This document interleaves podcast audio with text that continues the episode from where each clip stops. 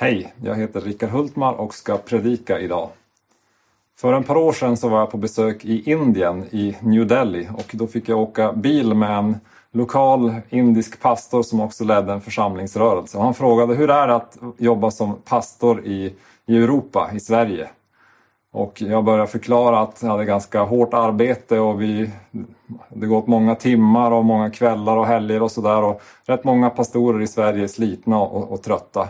Han frågade hur, hur kan det komma sig? Och jag berättade om våran svenska höga arbetsmoral, våran pliktkänsla och hur det också har lett till att både pastorer och många andra känner sig utbrända och slitna och så. Och då tittade han på mig och så skakade han på huvudet så här som indier gör. Och så sa han “Only donkeys work hard”. Och så var den diskussionen slut. Bara åsnor arbetar hårt. Och eh, ja, vad skulle jag säga om det? Den här predikan idag handlar om att hitta glädjen i livet genom vila. Och det tror jag att han hade hittat, för han förklarade också sen hur, hur, hur han eh, tänkte att ja, men, vi gör vår del, vi ber och så får Gud göra resten. Och det är väldigt enkelt att säga när man har en eh, när man har hittat det. Men, men, för oss som, som är så tyngda av den här pliktkänslan är inte det här alltid så enkelt. Vi ska läsa en bibeltext idag som handlar om, om Jesus och som handlar om vila. Och vi läser från Matteus 8, vers 18 till 27. När Jesus såg att det samlades mycket folk omkring honom befallde han att man skulle ta sig över till andra sidan sjön. Då kom en skriftlärd fram och sa till honom Mästare, jag vill följa dig vart du än går. Jesus sa till honom Rävarna har lyor och himlens fåglar har bon, men Människosonen har ingenstans att vila sitt huvud.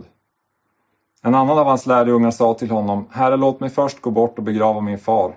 Jesus svarade, följ mig och låt de döda begrava sina döda. Jesus steg i båten och hans lärjungar följde med honom. Då blåste det upp till full storm på sjön så att vågorna slog upp över båten. Men han sov. De kom då fram och väckte honom och sa, Herre, rädda oss, vi går under. Han sa till dem, varför är ni rädda, så lite tro ni har?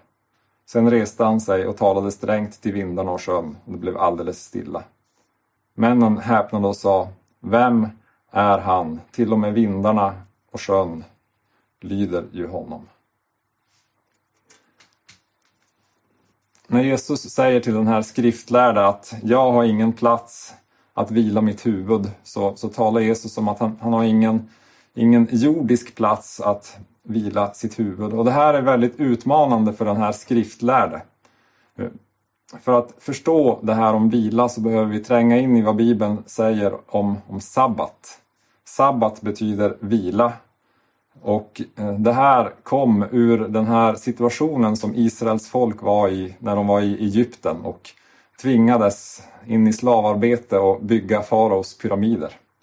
Och situationen var så att, att Gud kallade Mose att leda folket ut ur Egypten och Mose kommer till farao och säger eh, Låt mitt folk gå ut i öknen och fira gudstjänst. Och faraos eh, respons är den här. Lata är ni, lata. Det är därför ni säger låt oss gå och offra åt Herren. Nej, gå nu och arbeta. Någon halm ska ni inte få, men full mängd tegel ska ni ändå lämna. Så farao ger folket ingen vila överhuvudtaget. Och det, är, det är det här som, som vi ofta fortfarande känner av, det här trycket att arbeta, trycket att vi är liksom det, det sociala, kulturella trycket att vi är lata. Men Gud har en annan väg för folket, för han leder dem ut ur Egypten, genom Röda havet och ut i öknen. Och där på andra sidan så kommer folket till Mose och säger vi är hungriga. I Egypten fick vi goda köttgrytor men här har vi ingenting. Och då kommer Guds respons till dem och Gud lovar att det ska komma mat från himlen, alltså han ska försörja dem varje dag. Men sen så lovar Gud också det som är väldigt speciellt och det är att, att det ska få vara vila en dag i veckan. Ni ska få mat på sex dagar och på sjätte dagen så ska det komma så mycket mat så att ni får vila på den sjunde dagen. Och det här var, var helt nytt. Och det står så här, när de på sjätte dagen tillagar vad de har fört hem ska det vara dubbelt så mycket som de annars samlar varje dag. Och det här gav folket vila. De skulle helt enkelt ligga kvar i sina tält, sitta kvar i sina tält, äta och ta det lugnt en hel dag. Så det var antagligen världens första tältsemester. Det kan ni ju tänka på om ni tältar här i sommar att det, det har med vila att göra, att njuta av, av livet. Sen, efter det här kommer sabbatsbudet, alltså påbudet. Tänk på sabbatsdagen så att du helgar den, eller vilodagen.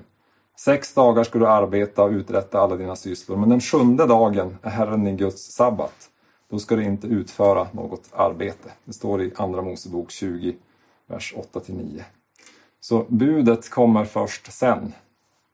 Och det här är, eh, när den här skriftlärde kommer till Jesus så, så är det, det som är svårt att se först är att det här är, är utmanande för den här skriftlärde. För, för Jesus säger att jag har ingen plats att vila mitt huvud. Och sabbatsbudet var kopplat till att du ska vila i ditt hem.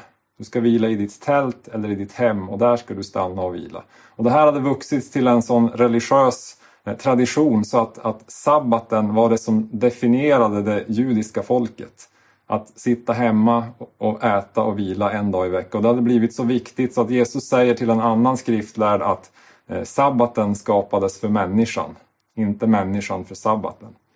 Så det, det, är det här som ligger i, i, i, bakgrunden så att det hade blivit för eh, religiöst. Liksom. Men, men det Jesus gör är att han, han också säger att vilan handlar inte om att vila mot det jordiska utan att vila sitt huvud mot något annat. Jag har ingen plats att vila mitt huvud här på jorden. Jesus vilar inte sitt huvud mot något hus eller hem. Han vilar inte sitt huvud mot ekonomi han vilar inte sitt huvud mot relationer eller något annat jordiskt utan han, han vilar sitt huvud mot, mot Fadern i himlen.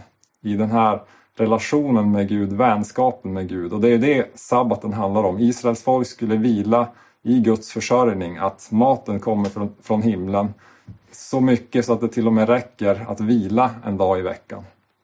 I Guds omsorg, i Guds, Guds försörjning det är intressant att se att eh, det här med eh, en, en sjundedel, alltså en dag i veckan, är ungefär den marginal som finns på en boksida. Alltså det, det, skapar marginaler i våra liv där Gud kan verka i oss, där Gud kan fylla på och ge, ge ny styrka. Det är det här som också gör att, att Jesus sover i båten mitt i stormen. För han är trygg i Guds försörjning. Han vilar inte mot något jordiskt utan han vilar i Gud, i Guds hand. I psalm 127 och 2 så står det så här. Förgäves stiger ni tidigt upp och går sent till vila för att äta det bröd ni slitit för. Detta ger han åt sina vänner medan de sover. Att lägga sig ner och sova och bara förtrösta på att Gud kommer att ta hand om min situation. Kommer att ta hand om att ge mig ny kraft, han tar hand om min ekonomi, han tar hand om min familj. Han ger mig allt det jag behöver när jag sover för att jag är Guds vän. Det här är eh, kärnan i, i budskapet om, om, om vilan, om sabbaten. Att Gud både vill och kan ta hand om oss och ge oss det vi behöver. Det är därför Jesus sover i båten mitt i stormen.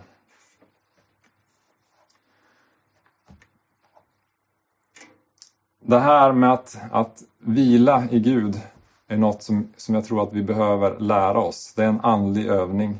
En övning som jag har gjort nästan varje dag i flera år är att när jag, när jag känner att nu behöver jag vila, antingen när jag går i säng på kvällen eller en stund på soffan, så, så lägger jag mig ner och så ser jag och känner och upplever hur jag lägger mig i Guds hand. Det står, Jesus säger att ingen ska kunna rycka dem ur min faders hand, står det i Johannes evangeliet. Och så ser jag hur jag ligger i faderns hand inom mig. Och så ligger jag där och så tackar jag Gud för att tack för att, du, att jag får ligga i din hand. Tack för att jag får vila i dig, i din omsorg. Och det här har hjälpt mig att kunna vila eh, i Gud och inte lägga mitt huvud mot det jordiska och lita på, på, på jordiska omständigheter. Så vilan handlar väldigt mycket om, om det här. för Israels folk, för den här skriftlärde, så var det svårt att acceptera vilan och lita på Gud. Och det är det också för oss. Eh, och därför så, så vill Jesus hjälpa oss med det.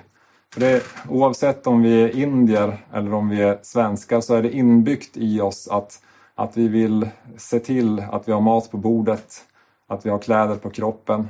Eh, vi bekymrar oss för det, vi arbetar för det, vi sliter för det. Och det är det här, den här, det här slitet som, som nöter på våran, på våran själ. Det, det är det här slitet som kanske grundar sig i pliktkänsla, kanske grundar sig i att vi vill tjäna mer pengar, kanske grundar sig i att vi vill lyckas, kanske grundar sig i att jag behöver visa vad, vad jag kan och vad jag kan prestera som, som gör att vi, vi fortsätter att jobba. Och jag måste erkänna själv att under den här coronaperioden under, under våren, fast saker och ting gick ner i tempo så hade jag svårt själv att gå ner i tempo.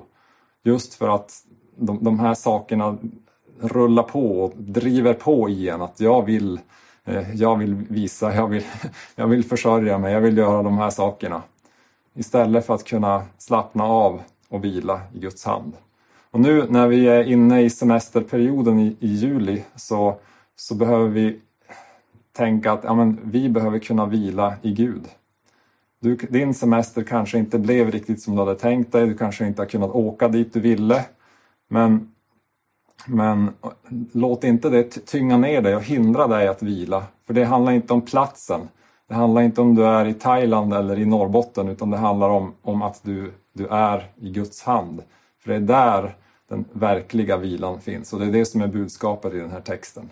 Det är därför Jesus kan sova i båten mitt i stormen. Och stormen det representerar alla kaosmakter som finns, finns i världen.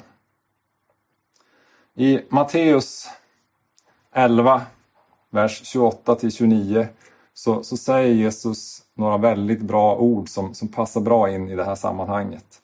Han säger Kom till mig alla ni som arbetar och är tyngda av bördor så ska jag ge er vila. Så ska jag ge er vila. Så vila som en, som en gåva, som ett erbjudande, vilket det alltid har varit. Sabbatsdagen var en gåva till Israels folk. Inte ett påbud, en plikt att uppfylla, utan en gåva.